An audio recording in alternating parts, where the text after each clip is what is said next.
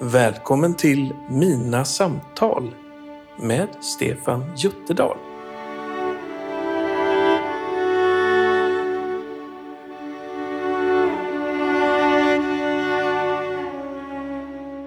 Eh, idag har jag förmånen att få sitta här runt det runda bordet hemma i kvarnen, i Lagmanskvarn tillsammans med en eh, person som jag har fått lära känna eh, särskilt under de senaste fem åren efter mitt hjärtstopp.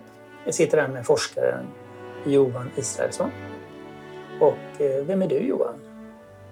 Vem jag är? Um, Du är inte pingisspelare i första nej, hand? nej, eftersom- nej, jag sitter och tittar på ett pingisrack här. Men Mm. eh, nej, jag är, jag är en eh, forskare från eh, Region Kalmar, boendes i Kalmar, där jag har jobbat inom hjärtsjukvård sedan ja, mitten på 90-talet någon gång när jag blev färdig sjuksköterska. Jag gick på på högskolan då som det hette i Kalmar och blev färdig då. Så sen har jag hamnat i, i hjärtsjukvården och, och varit aktiv där sedan dess egentligen. Mm. Ehm, om man pratar rent yrkesmässigt då. Mm. Mm. Och forskare, du, vilket område är det som du ägnar dig åt? Ehm, jag blev ju ehm, intresserad av det här med hjärtstopp under tiden, under tiden jag jobbade inom, inom hjärtsjukvården för vi har ju ändå, det händer ju ganska ofta där att folk drabbas av plötsliga hjärtstopp. Ehm, så man får ju ganska snabbt en, en erfarenhet av att vara med i sådana situationer. Och jag vet inte, jag kände väl att jag var ganska... Jag fungerade ganska bra i de situationerna. Jag kände att jag kunde göra ett rätt bra jobb. Ehm, Så jag blev väl intresserad av det där och, gick en instruktörsutbildning till HLR-instruktör 2003 då.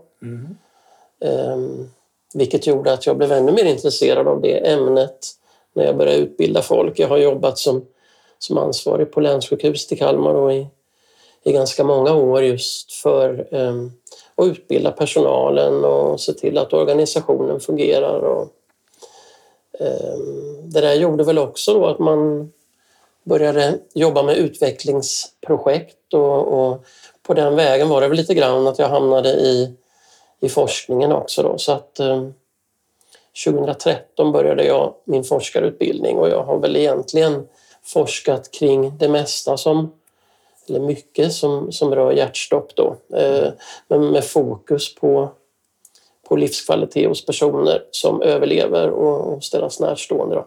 Mm. Det är väl det det som var- har varit mitt huvudspår. Och det var så vi kom i kontakt med varandra. Absolut. Man skulle ju kunna ha tänkt att vi hade kunnat komma i kontakt med varandra tidigare för vi har ju eh, förstått att det är flera vägar som har korsat varandra i våra liv. Verkligen. Eh, inte minst att eh, under när, du, när du började utbilda dig kring HLR 2003 då arbetade jag ju också i landstinget i Kalmar län Mm. med utvecklingsfrågor. Ja, Men då stötte inte vi ihop direkt så i alla fall. nej. Eh, sen började din forskarutbildning 2013 och du disputerade 2020. 2020. Och innan din disputation, men efter mitt hjärtstopp, det vill säga mitt hjärtstopp var 2017 eh, i september. Och sen kom vi i kontakt med varandra. Och jag vet inte riktigt hur, men jag tror att du hade fått tips om att jag hade fått ett hjärtstopp eh, via någon. I alla fall tog du kon- kontakt med oss. Kommer inte ihåg vem det var som... Kan det ha varit Anneli Strömsö? kan mycket väl ha varit Anneli. Mm. Men Som eh, jag, vän. ja, Ja. och som jag har jobbat en hel del med också. Mm, mm. Eh, kan mycket väl ha varit Anneli. Eh, men jag vet att jag läste om er i, i någon tidning också, om det var Barometern eller någon annan tidning där ni hade varit med efter hjärtstoppet då och berättat. Eh, så redan då tänkte jag att det hade varit liksom, spännande, intressant att träffa er och höra om, om era erfarenheter eftersom Mm. jag jobbar i det området. Då. Och då satt vi runt det här runda bordet och jag kommer ihåg det tillfället ganska väl. Eh, Vi trodde vi skulle få besök av en, en forskare från landstinget som kom och var lite allmänt intresserad och ställde några frågor och sådär. Men det blev ett långt och djupt samtal, Mm. är min bild. Ja, det är min bild också. Och vi hittade varandra väl genom att ja, våra, det fanns flera saker som, som berörde. Mm. Och det är klart att när man har haft ett hjärtstopp och så träffar man någon som ägnar sin tid åt att forska på livet efter hjärtstopp. Då blir det ju intressant. Mm. Det är det så. Men vad... eh, Och sen, sen hjälp, eller engagerade du oss i olika saker? Ja, jo, men min tanke var ju dels att få komma hit och, och träffa er överhuvudtaget. Ehm, men också att vi i, i Svenska HLR-rådet som jag har arbetat i sedan 2011 tror jag att det var. Som, Vad är HLR-rådet? Ehm, det är en- den nationella organisationen som gör riktlinjer och utbildningsprogram för Sverige kan man säga. Inom området Inom området hjärtstopp och hjärt-lungräddning. Så vi, vi följer europeiska riktlinjer från Europeiska HLR-rådet, anpassar dem, ja, tolkar dem kan man säga, anpassar dem för svenska förhållanden. Då. Det finns sådana nationella organisationer i alla länder egentligen. Ja, det skulle jag länder. nog säga, i, i alla fall i Europa. Och det finns ju stora HLR-råd runt om i världen som jobbar med de här frågorna. Och de organiserar sig dessutom i ett globalt råd då, som heter ILCO där, där, eh, där de stora eh, internationella HLR-råden är representerade, även när det gäller svenska. Då.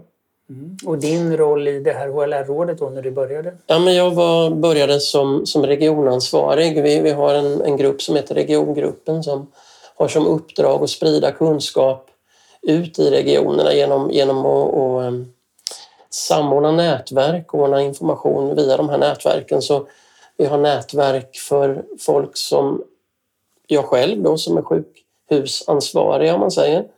Vi har folk som ansvarar inom ambulans. Vi har folk som jobbar eh, inom, inom utbildning till exempel. Det är några av de nätverken som vi samordnar och där vi försöker få ut vår, vårt budskap och vår kunskap till Sverige om man säger. Så att jag hade hand om en av de regionerna som är den, den sydöstra regionen i Sverige då, som är Småland, Blekinge, Östergötland. Där försökte jag koordinera den Vad regionen. gjorde du rent konkret? Då? Vad innebär Ja, men rent konkret handlar det om att åka runt på, på sjukhusen i regionen. Hålla föredrag eh, när, när andra sjukhus hade sina instruktörsträffar, när de samlade sina HLR-instruktörer. Kanske supporta om man ville utveckla någonting. Eh, Men framför allt att se till att uppdatera mejllistor och skicka ut information från HLR-rådet ut i min region. Men också, som jag tycker är väldigt viktigt, att även ta in eh, synpunkter och idéer från regionen till HLR-rådet så att vi blir ett, ett råd för hela Sverige.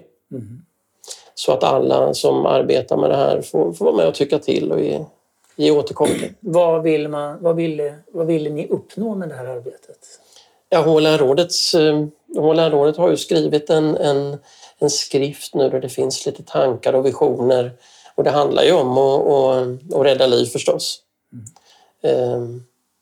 Så vi behöver, vi behöver bli bättre på att rädda liv, vi behöver rädda fler liv.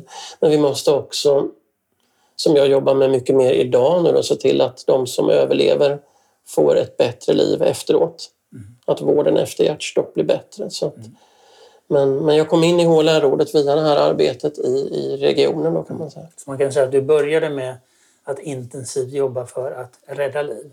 Mm. Så nu ägnar du det ännu mer åt att ta reda på hur, hur kan vi förbättra livet efter hjärtstopp för de Ja, jo men, jo men så är det ju för att det jag har märkt och det har jag ju märkt kliniskt och jag har ju märkt det när jag arbetar med de här frågorna att vi, eh, vi vet ju ganska mycket idag om vad som räddar liv och vad vi ska göra för satsningar för att rädda liv. Det är inte det som är problemet däremot.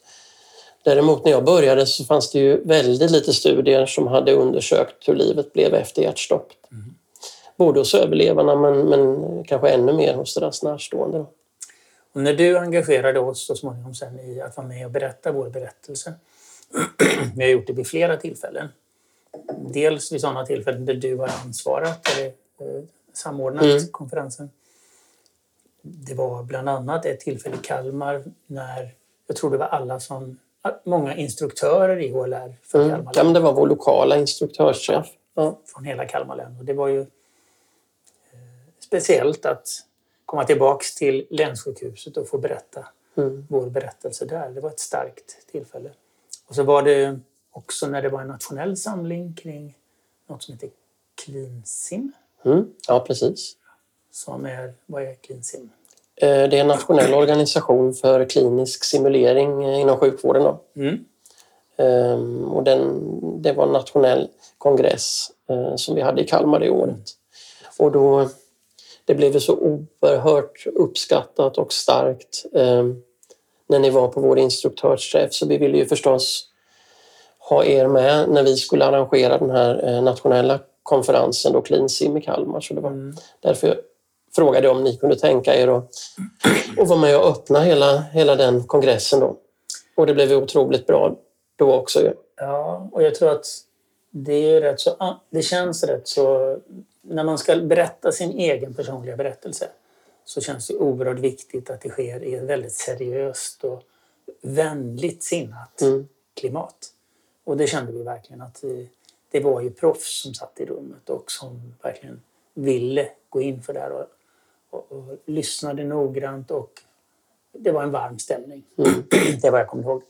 Sen, sen, sen har du, vi har gjort flera saker tillsammans. Bland annat så var det ett, eh, ett tillfälle i Lund på en konferens, Mm. Post, Postcare. Precis, Post Cardiac Arrest Care det är ju Mm. en internationell eh, kongress, konferens. Mm, Och då lockade du med mig där. Ja, eh, nej men jag, blev ju, jag har ju varit där i varje gång den har genomförts. Det brukar ju, den brukar arrangeras av en, en forskargrupp då, som är stationerad i Lund som är Mm. ja, men världsledande inom vård efter hjärtstopp kan man ju säga. Eh, en jätteduktig forskargrupp och de arrangerar den här kongressen och får dit eh, ja, men de bästa föreläsarna från runt om hela världen faktiskt. Det kommer ju forskare från USA, från eh, Australien. Vi har haft ja, men, de namnen man verkligen vill lyssna på när man är aktiv i den här branschen. De har varit där kan man säga. Mm. Eh, Jag har haft möjlighet att presentera min forskning där vid något tillfälle också. Men nu fick vi en särskild förfrågan, eh, du och jag faktiskt, eller vi, eh, i vårt nätverk som, som eh, ja, men särskilt inbjudna för att komma dit och berätta om vårt arbete med, med att utveckla nätverksstöd i Sverige. Då. Mm. Så jag fick ju frågan men, men, eh, men tanken var ju hela tiden att, att du eller någon annan från nätverket skulle vara med som har egna erfarenheter av att berätta. Och det är klart, det här är en ganska stor konferens. Den är väldigt välrenommerad. Man ska presentera på engelska så det är ju, det är ju inte, det, är inte det lättaste att stå där och berätta om något som är så känslomässigt heller, tänker jag. Nej, men det var väldigt intressant och lärorikt för min del. Eh, Så jag är väldigt glad att du lockade med mig på det. Därför att eh, eh, dels var det så att den här konferensen i Lund den ägde rum då i aulan på Blocket. Mm.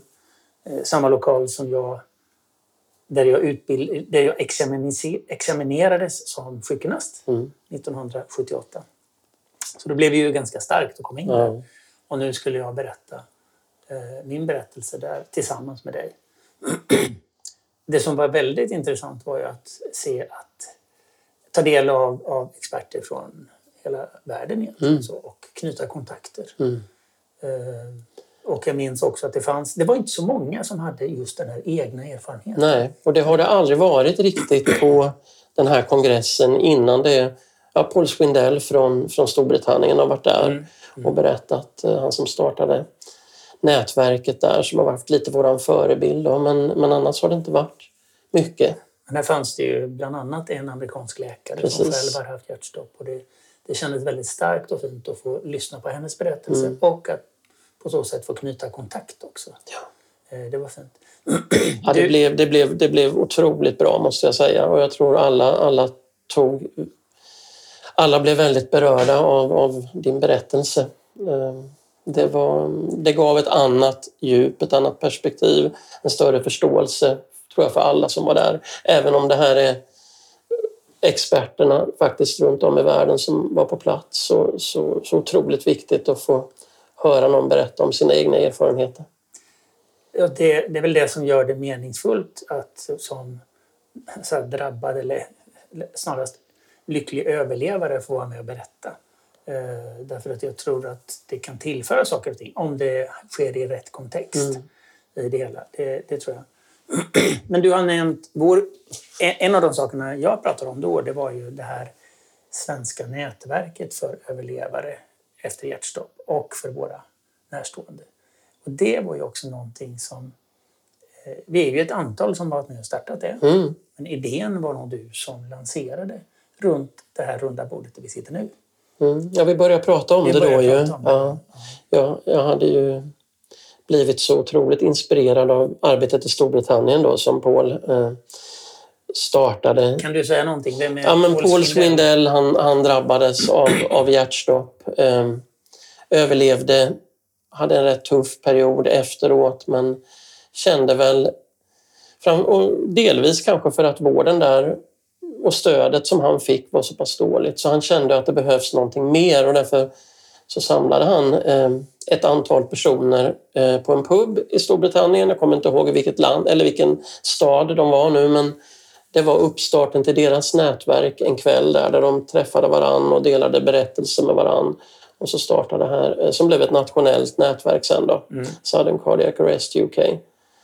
Ehm, Första gången du berättade det för mig så visade du nog en bild på ett tillfälle när de hade träffats så hade alla tryckt upp en särskild tröja. mm, Eh, och så var det, stod det då, jag tror nätverket heter Sudden Cardiac Arrest. mm, Så det var någonting sånt som stod på tröjorna. Så Ja. var, och de kom in i Guinness rekordbok också. mm. De hade som uttalad ambition att, att samla flest personer som eh, drabbats av och överlevt hjärtstopp då, i samma rum. Ja. Och det var en bit över 100 personer då, som de samlade vid en, eh, vid en fysisk nationell träff som de hade. Ja, det, det är ju eh, väldigt speciellt. Och, eh, och det, där, det där var du inspirerad av och det där planterade du hos mig och, och hos mig och Ann-Margret och hos flera andra personer. Mm. Så det var väl en riktigt stark drivkraft för att få igång det svenska nätverket. Jo, men ab- absolut. Och du hade träffat honom och lyssnat på honom. Också. Ja, ja. Och han hade också varit i Lund på den här konferensen. Han hade varit i Lund och jag träffade honom där. Vi pratade mycket. Eh, sen eh, började vi ju diskutera eh, det här i HLR-rådet och i min arbetsgrupp. För numera så jobbar jag ju mest med vård efter hjärtstopp och, och är ordförande i den arbetsgruppen som jobbar med de frågorna. Så Mm. i min arbetsgrupp, om man säger så, så hade vi, hade vi diskuterat och, och kanske försöka starta ett nätverk i Sverige likt det här i Storbritannien. Så vi, vi tog ju kontakt med ehm, patientföreningen då, ehm, alltså Riksförbundet eh, Hjärt-Lung som vi startade ett samarbete med. Ehm, det här var väl efter tror jag att vi hade börjat diskutera det. Det var det. Ja. Så ehm, det var nog här idén uttalades utanför HLR-rådet första gången, det tror jag. Men nu har vi ju ett nätverk som vi har startat tillsammans. Du och jag och ett antal andra personer som är engagerade. De flesta har ju varit med och haft ett hjärtstopp själva eller är närstående till någon som har haft ett hjärtstopp. Men sen är det ju ytterligare personer då från Riksförbundet Hjärt-Lung och eh, Svenska HLR-rådet. Ja, så gruppen består av överlevare och närstående till överlevare och sen är det representanter för HLR-rådet och för Riksförbundet Hjärt- Yes. Ja. Det, och det känns ju som oerhört eh, meningsfullt. Eh, vi är ju administratörer, både du och jag, i det här nätverket tillsammans med ett gäng andra personer. Precis. Eh, och framför allt är det ju en Facebookgrupp som eh, lever och där det förs samtal och diskussioner inom den här slutna gruppen. Mm. I början var vi ju kanske 10-15 personer. Mm. Någonstans där. Idag är vi över 370 personer. Mm. 377 eller Det, 378 det du tror jag. upp. Ja. Jag, kollar, jag kollar nog varje dag lite grann i alla fall. Ja, och I början var du lite skeptisk till det här med att använda sociala medier och sånt. Men Jag har inte gjort det innan nu men jag har ju fått lära mig. Eh, det har du utvecklat ordentligt under den här tiden. Därför att eh, det är ju en väldigt positiv sak med sociala medier. Att man kan ha den här typen av kontakt, stödjande kontakt. För det här är en grupp som är i första hand är till för att supporta varandra. Lyssna på varandras berättelser och, ja. och eh, stötta Det känns ju oerhört meningsfullt när det kommer en förfrågan, någon knackar på dörren och vill vara med. Mm. Och så, vi har ju vissa regler i gruppen. Man måste föra ett...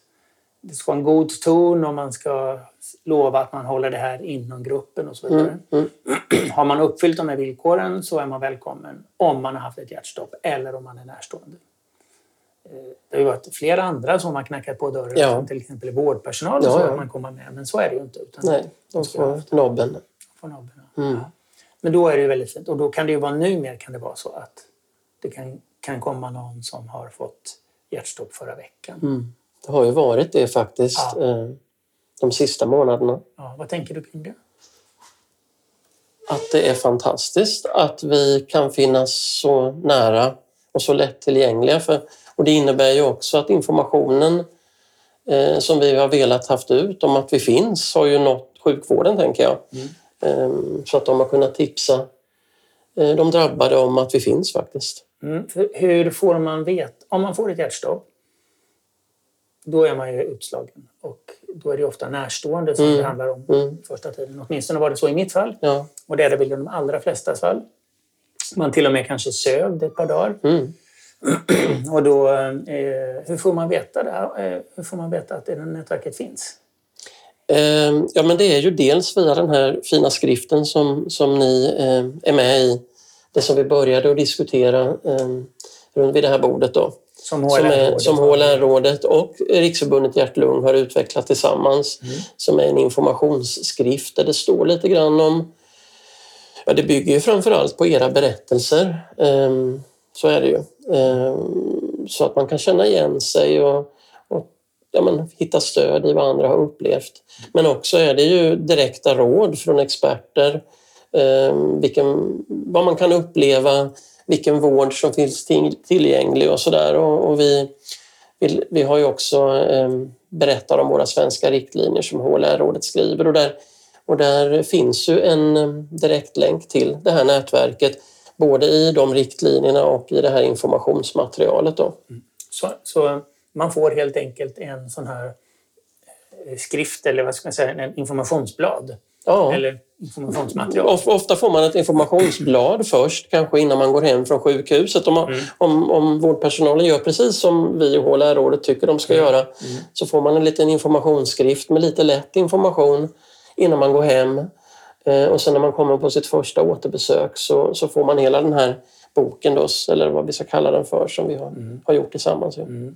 Med lite mer information. Och där, Går, det åt, går det åt många böcker? Ja, det börjar komma. Jag skickade ut, samordnade ju utskick i hela Sverige när vi, när vi gjorde den då och det gick ju åt, jag tror inte riktigt alla eh, 74 sjukhusen eller vad det är som, som har den här typen av verksamhet som har beställt men mm, nästan alla har beställt och vissa har beställt två gånger så att eh, det går åt mycket böcker, det gör det. Sen, sen kan jag ju tänka mig att folk har ju hört om det här på andra sätt också. Jag tror att många, en del sjukhus tipsar ju närstående om att vi finns. För det har vi också sett att någon närstående har gått med väldigt tidigt medan den personen som själv är drabbad ligger kvar på sjukhus så har ju kanske den närstående kommit med och bett att få komma med i nätverket. Precis. Det är inte alla som omedelbart känner att man överhuvudtaget orkar berätta sin berättelse. Nej. Men jag tror att många upplever stöd eh, i att man finns i någon slags gemenskap där andra har, har varit med om det här och kan på det sättet känna trygghet. Det är flera som har berättat det och återfört det till Ja, mig i alla fall. ja, jag tror det också, speciellt eftersom även om det liksom är många som drabbas så är det inte så många som överlever hjärtstopp och kanske inte på samma ort under samma tidsperiod så det kanske är svårt att komma i kontakt med andra med liknande upplevelser eh, utan att, att ha ett nationellt perspektiv, tänker jag. Precis. Och vi hade ju upptakten också med mm, Paul Swindell från Sudden Cardiac Arrest UK. Mm. Eh, och han, han inspirerade oss ju till att ta lite modell efter dem. Verkligen. Men de har, träffades ju i en eh, engelsk pubmiljö. Mm. Det har ju inte vi lyckats Vi har inte lyckats med det. Nej, Vad, det kom- vad har vi för tankar kring det Johan? Ja, men det, det har ju varit någon, något konstigt virus som har florerat också ju, så att eh, vi har, har ju haft lite svårt att... Det kom en pandemi. Ja, ja. Så vi har, ju, vi har ju haft svårt att, att få till några fysiska träffar. Vi har ju inte ens träffats, vi som har grundat nätverket Nej. på plats. Nej, Nej. Men vi har ju haft det som ambition från eh, att vi bestämde att vi skulle försöka starta det här nätverket, att vi skulle ha fysiska träffar också. Så eh, tanken som vi har diskuterat nu det är ju att vid nästa eh, kongress som HLR-rådet arrangerar, att vi skulle i samband med den arrangera det första fysiska mötet för det här nätverket. Då. Och vi hoppas väl att det ska bli eh, nästa år, 2024. Spännande. Kanske någon gång under hösten om man skulle gissa. Jag har inget datum eller plats än men vi hoppas att det blir då. Ja, det skulle vara fantastiskt roligt, även om det inte blir så många. Det blir de det är. Och jag har ju upplevt det flera gånger att när man träffar andra överlevare så finns det väldigt mycket gem- gemensamt att prata om. Därför att man har ju hamnat i den lyckliga situationen att man är en av tio som överlever. Det, det gör ju någonting med den. Det påverkar ens liv, det påverkar ens vardag i princip varje dag. Med den tacksamheten och eh, alla de sakerna som det om- livsomvälvande som det är att få ett hjärtstopp. Sen är det också så att i den här grupperingen, i nätverket, så har vi ju förstått att det är ju också så att många har besvär av kognitiv art. Mm. Eh, där, eh, där önskar man ju, vi ju att man skulle kunna ja, göra mera för det. Mm. Hur tänker du kring det? Ja, dels är det ju Dels är det ju svårt att, att kanske få de personerna att hitta oss, tänker jag. Som har lite svårare hjärnskador efter sitt hjärtstopp och, och kognitiv nedsättning. Så ju. Och det kanske är svårt för dem att vara aktiva i nätverket också. Så att kanske att man kan hitta mindre grupperingar eh, med personer som kunde hålla lite tätare kontakt och stötta varann. Eh, kanske mer lokala grupperingar också, tänker jag. Men, eh, men sen är det svårt att, att, att nå alla. Det är ju det. Men det är en annan sak också i nätverket som vi har eh, förstått och det är ju närståendes roll. Mm. Hade du koll på det innan vi körde igång nätverket? Hur mycket drabbade närstående är? Nej, egentligen när jag började forska på, på de här frågorna 2013 då fanns det ju bara någon enstaka studie på närstående. Eh, knappt några större eh, studier baserad på, på registerdata och sådär alls. Så att, eh, eh, nej, jag visste inte mycket mer än det man har kunnat läsa ut från intervjustudier då på väldigt få personer och min egna kliniska erfarenhet och sådär. Att det, att det nog är tufft för många närstående eh, och, och i vissa fall rent psykologiskt kanske till och med tuffare än för, för personen som är drabbad själv. Eh, och det har ju visat sig i några få studier nu att det nog är så också. Fast närståendes eh, psykologiska reaktioner kanske kommer senare än för den personen som, som har överlevt. Då. För det blir ju ofta, och helt relevant förstås, väldigt mycket fokus på den personen som är drabbad själv och har överlevt Men den första tiden. Men det här är ett, eh, ett, ett litet bekymmer känner jag. Alltså man, man, det blir, som du säger, det blir väldigt naturligt att fokuset läggs på åh, du har fått överleva och så vill man höra den berättelsen. Mm. Men som en av, kom, återkommer jag till pingis och vi ska ju, vi ska ju spela pingis efter den här Eller hur? intervjun. Ja. Men eh, jag spelar pingis en gång i veckan nu mer med ett gäng eh, gubbar. Och eh, en av dem, eh, jag berättade att jag skulle medverka i, jag har blivit engagerad i, som du vet, i, i någonting som heter Hjärtuppropet. Och då skulle vi, skulle vi ny, för ett tag sedan åka iväg till Stockholm. Jag, jag skulle berätta ber, vår berättelse eftersom Ann-Margrethe kunde inte följa med den här Nej. gången. Och så. Och då frågade den här personen som också är läkare mig, ska du berätta din berättelse om hjärtstoppet? Ja. Eller, eller "Det- ska du och Ann-Margrethe göra det? sa han. Så, Nej, hon kan inte följa med. Så där. Vad synd, sa han. Mm. För att det är ju egentligen hennes berättelse som är intressant. Och han satte ju fingret precis Mm. mitt i prick.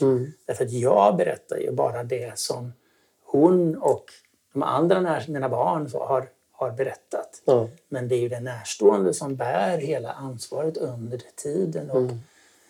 Den som har drabbats, eh, överlevt, är ju nedsövd. Så, så det är oerhört tuff tid. Mm. Och också, som du sa, det kommer igen sen. Och Ja. blir ju eh, tufft för många efteråt. Mm. Ja, men den lilla forskning vi har vi visar ju det. Mm. Att, det, att, det, att det ofta kommer reaktioner med ångest, kanske till och med depression, posttraumatiska stressreaktioner, fast kanske lite senare då. Mm. När det på något sätt kanske finns utrymme för det också.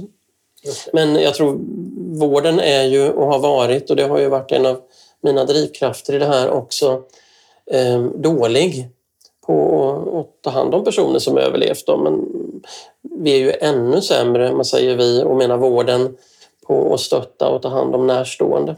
Mm, ja, det finns. Eh, det är ju fint att det har börjat att liksom komma fram, men jag tror att här behövs verkligen Mm. mycket mer insatser. I, I vårt fall så var det så att jag fick ju perfekt rehabilitering, omhändertagande och, och allting och sen så småningom rehabilitering.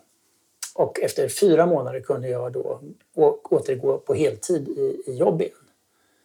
Och då hade ju Ann-Margret, min fru, hon hade ju stöttat mig och funnits precis intill min sida hela tiden. Mm. Och då när hon kunde börja släppa taget, då kom hennes Mm. posttraumatiska besvär. Hon Mm. fick eh, ut, alltså hudproblem över hela kroppen. Mm. Och jag vet att eh, det dröjde länge innan de kom på vad det berodde på. Så kom hon till en klok hudläkare så småningom som sa, har du varit med om något speciellt i Mm. livet? Och eh, hon, så småningom så framkom det då att ja, min man fick hjärtstopp. Ja, sa Mm. läkaren. Och det var en klok person. Så Verkligen. då kunde hon ju få stöd och hjälp. Mm. Jag tror att det är många som drabbas Ja. på detta sätt. Ja, det tror jag också. Men det här nätverket, där, det är ju ett sätt att lyfta fram de här frågorna Mm. förstås. Va? Och vi får väl hoppas att om vi nu får till en fysisk träff nästa år, att det då blir både överlevare och närstående. Självklart. Det måste vi Och det måste det bli. Och vi skriver ju väldigt tydligt in närstående perspektivet i den här informationsskriften som ju faktiskt når ut i hela landet. Mm. Eh, Vi skriver ju in det tydligt i våra riktlinjer också. Så vården borde tänka lite mer på närstående redan nu. Mm. Och det har hänt, skulle jag vilja säga, de sista fem, tio åren väldigt mycket åt rätt håll. Men, men som sagt, vi vet inte så mycket heller. Det finns för lite forskning. Vi behöver lära oss mer och, och när vi, och vi behöver vara lite lyhörda och, och erbjuda det stöd vi, vi, vi tror funkar till dess att vi vet att det funkar kan man väl säga. Mm. För det är väldigt lite eh, i form av behandling och stöd och så som är testat i randomiserade kontrollerade studier. Mm. Men eh, man får väl ö, liksom överta eh, stödåtgärder från liknande grupper, tänker jag. Mm. Alltså, eh, du sa att det inte forskas så mycket på det här med livet efter hjärtstopp. Men det finns ju, ni gör det ju i Mm. er Ja, forskning. i- idag finns det, börjar det finnas ganska mycket forskning. Mm. När jag började fanns det ju nästan ingenting. Vad, vad, Eller väldigt var lite. Budskap, vad hette din avhandling? Eller vad, vad, vad skrev du din avhandling om? Min avhandling heter ju eh, Hälsorelaterad livskvalitet efter hjärtstopp. Så det var ju åt det hållet, absolut. Ja, verkligen. Mm. Och det är ju liksom huvudsyftet med den är ju att beskriva, beskriva livet efter hjärtstopp hos överlevarna men till viss del, vilket jag gör i en av mina delstudier, även hos närstående. Då. Och jag tittar ju lite grann på hur man eh, kanske påverkar varann inom, inom paret också som är drabbat. Mm. Och det är väl den första studien som har, som har gjort sådana analyser eh, när det gäller personer som är drabbade av hjärtstopp. Mm. Spännande. Alltså jag tror att den som lyssnar på den här podd, podden nu tror jag funderar på pingisens eh, betydelse i det hela. Eftersom vi började med lite pingis och jag, jag har sagt att vi ska spela pingisen efteråt. Men det är ju en av de sakerna som har gjort att vi har hittat varandra. Att jag hade i min tidig ungdom så var jag lite engagerad på väldigt låg nivå i, i pingis. Men du har varit pingisspelare. Ja, det har jag ju varit. Ja, fram till några år tillbaks i tiden. Mm. Jag började väl spela hemma när jag var rätt liten. Farsan köpte ett pingisbord som vi, vi stod och knackade på, eller på att säga, jag och min bror. Mm. Ehm, när jag var tio började jag spela i en bordtennisklubb i Hultsfred där jag bodde då. Mm. Och sen har jag hållit på med pingis faktiskt upp i, ja, vad kan jag ha varit, 45 någonting när jag slutade. När kroppen inte riktigt klarade av det längre. Mm. Så nu är det väl ja, minst fem år sedan jag, jag höll mitt, mitt pingisrack. Så det ska ju bli spännande att se. Säger du och låna, håller i mitt pingisracket? Ja, eller hur? bli Men nu, ja, det ska det bli. Nej, men jag har, jag har ju spelat aktivt i seriespel eh, från kanske 15-årsåldern fram Mm. till 45-årsåldern. Så det är, ja, det är väldigt många år eh, som aktiv pingisspelare på, på lite olika nivåer. Jag, jag, jag har inte utmanat dig. Vi ska bara slå lite på det. Ja, ja, ja. Det som är intressant, det verkar ju så att i hjärtuppropet eh, så är det många personer som jobbar där som är väldigt engagerade just i pingis. Ja, visst är det. Eh, så Det är lite konstigt. Ja, det är lite konstigt. Så pingis är väl på det sättet en liten sån grej som får ihop det här. Jag tror också det. Vi får, vi får hålla liv i pingisen helt enkelt. Ja, vi får, vi, vi får se det, vi, vad, det, vad det leder till. Ja, jag, jag är ju fortfarande aktiv som styrelsemedlem i BTK Enig som är en av klubbarna i Kalmar. Då.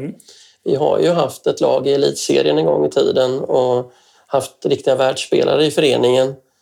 Ehm, Vi har fortfarande ett lag som, som eh, hävdar sig väldigt väl i division 1 då, så, och har spelat i, superettan i väldigt många år också om man tittar tillbaks de sista ja, tio åren.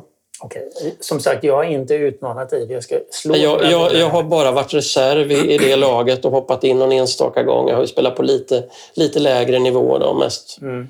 mest eh, division 2, 3, 4 kanske.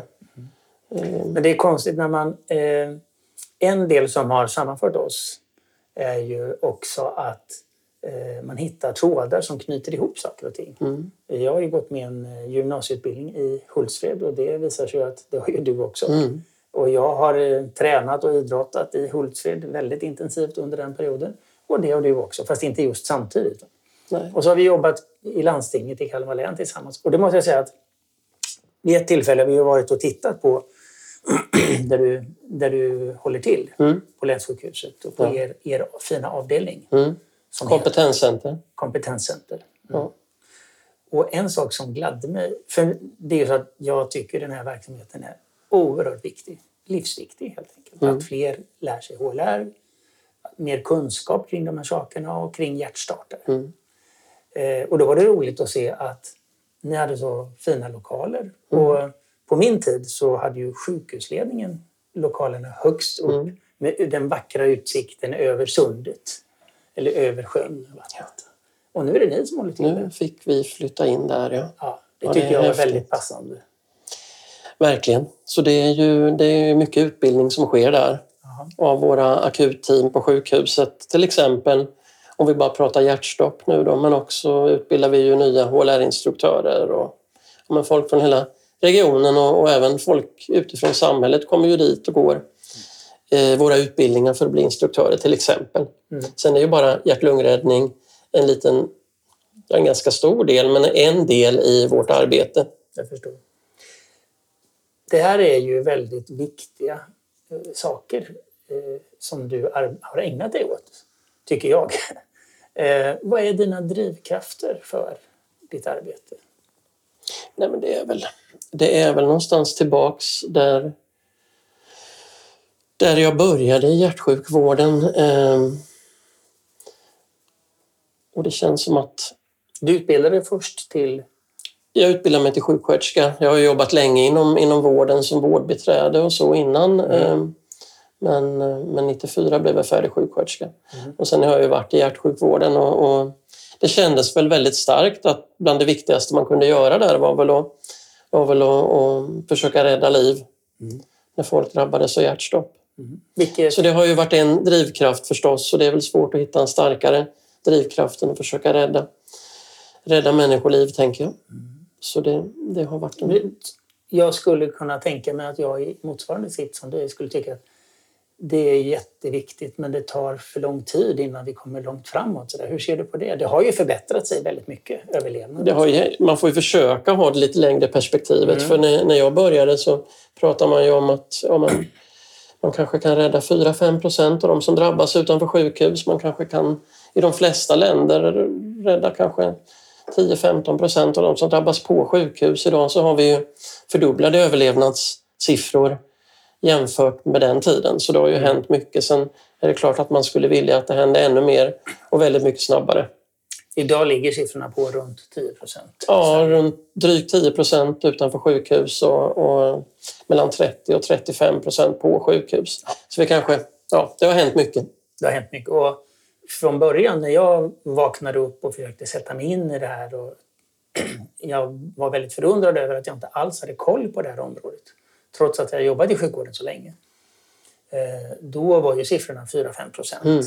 Men det ändrades ganska snabbt. Och då fick jag också lära, lära mig skillnaden i hur det mäts och registreras. Mm. Att det handlar om om det är bevittnade hjärtstopp utanför sjukhus eller om det är eh, hjärtstopp som sker inne på sjukhus. Mm. Och, så. och sen har jag blivit engagerad, precis som du, i den här styrgruppen för Svenska hjärt-lungräddningsregistret som yeah. ju är en väldig bas för Verkligen. data. Verkligen. Ett, ett otroligt viktigt register ju. Ja, där eh. Sverige har nytta av att vi har så mycket eh, personnummer, registrering mm. och så vidare. Det är en positiv sak. Det är sannolikt ett av... Jag är ju jävig nu och det är ju du också som sitter med i styrgruppen men, men, eh, så att folk förstår det. Men, men jag skulle ändå vilja säga att det är ett av världens finaste eh, hjärtstoppsregister vi har i Sverige mm. som Ehm, som Johan Herlitz har varit registerhållare eh, för i många år. Eh, Arash Ravsani som har tagit över det nu. Då. Mm. Precis. Ehm, men ehm, men det genererar ju väldigt mycket data som kan generera väldigt mycket forskning och viktig kunskap för att förbättra vården. Mm. Både när det gäller att, att rädda liv men vi har ju sen några år tillbaks nu, eller ganska många år är det ju. Det var väl några år innan vi träffades första gången börjat att faktiskt följa upp eh, personer som eh, överlever hjärtstopp med telefonsamtal, med enkäter för att lära oss mer mm. om mm. hälsostatus, hälsoproblem eh, i livet efter hjärtstopp också för att kunna utveckla vården. Så att mm. vårt, vårt register har ju, har ju genererat ganska många av de största publikationerna just när det gäller livet efter hjärtstopp. Mm, ja, det, är, det är glädjande och viktigt. Det, ja, och det är ju faktiskt bara att man får, med tanke på hur, vilka brister det har varit i vården efter hjärtstopp, så har ju det här varit en, en viktig stödåtgärd på många ställen också. Att det ringer någon och faktiskt frågar hur man mår ett, ett halvår ungefär, eller tre till sex månader efter hjärtstoppet. Så om man inte har fått någonting annat specifikt för hjärtstoppet som man fått det här samtalet. Mm. Ja, så jag tror, tror att det här är oerhört viktigt. Mm. Det tror jag. Men det är bara som, som eh, överlevare och drabbad av hjärtstopp så kan jag känna eh, tacksamhet för att det finns det här arbetet. Och, eh, nu fick jag ju inte mitt hjärtstopp i Sverige så jag ingår inte i någon svensk forskningsstudie men har ju fått ta del av all god eftervård i det hela och det känns ju oerhört tacksamt mm. och fint. Men det finns mycket mer kvar att göra. Till exempel, och jag tror inte bara att, det, att vi båda är idrottsintresserade men det är klart att det är ju oerhört störande att eh, grannlandet, till exempel i Danmark, då, där är överlevnaden 15 procent. Det, det är verkligen så här, det går att göra ännu bättre. Helt Trots klart. att det har blivit bättre så, så det går att göra ännu mer. Och det handlar ju inte bara om vad som helst, det handlar ju om att rädda liv. Som mm. Så där behöver vi göra en hel del saker. Och vi jobbar ju tillsammans för att försöka påverka åt det hållet. Verkligen. Mm. Vi måste göra mycket mer. Vi måste göra mycket mer, men alltså nu, nu har vi pratat länge om det här pingisen och jag ser verkligen fram emot att få slå några bollar med dig. och jag får väl också känna på racket. Ja, det tycker jag. Det var ett väldigt skönt rack. Ja. Är det ditt, vad spelar du med för? Ja, jag ska säga det så länge sedan så jag, jag vet inte vad jag har eh, för utrustning längre. Men eh, vi får, vi får ta damma av det så kanske vi kan läsa vad det, ja, vad det är för märke. Och ja, det, det låter ju åtminstone lite hoppfullt för mig. Johan, stort tack för det här samtalet och tack för vårt fina samarbete. Du har någon gång emellanåt sagt att eh, Ja, men du kan ju berätta det själv. Du brukar säga någonting om Ja, ja nej, men jag, jag, kan bara säga stort tack för, för möjligheten att få ha det här samtalet. Eh, och vårt samarbete som, som har varit så otroligt viktigt både för mig personligen men också för, tror jag, för, för, den här, för min forskning och för den här delen av vården. Och jag brukar säga, och det är väl det du syftar på, att, att eh, du och, och Ann-Margret har ju blivit några av mina närmaste kollegor i det här arbetet faktiskt. Jag har ju, vi har haft väldigt mycket kontakt. Eh. Det, det, känns ju väldigt fint när du säger så med tanke på det här med co-production, alltså att patienten och närstående ska vara delaktiga i vården. Mm. Det är ju ett fint kvitto från dig. Tack Johan för det här samtalet och så tar vi sats mot mera arbete i framtiden. Tack så hemskt mycket.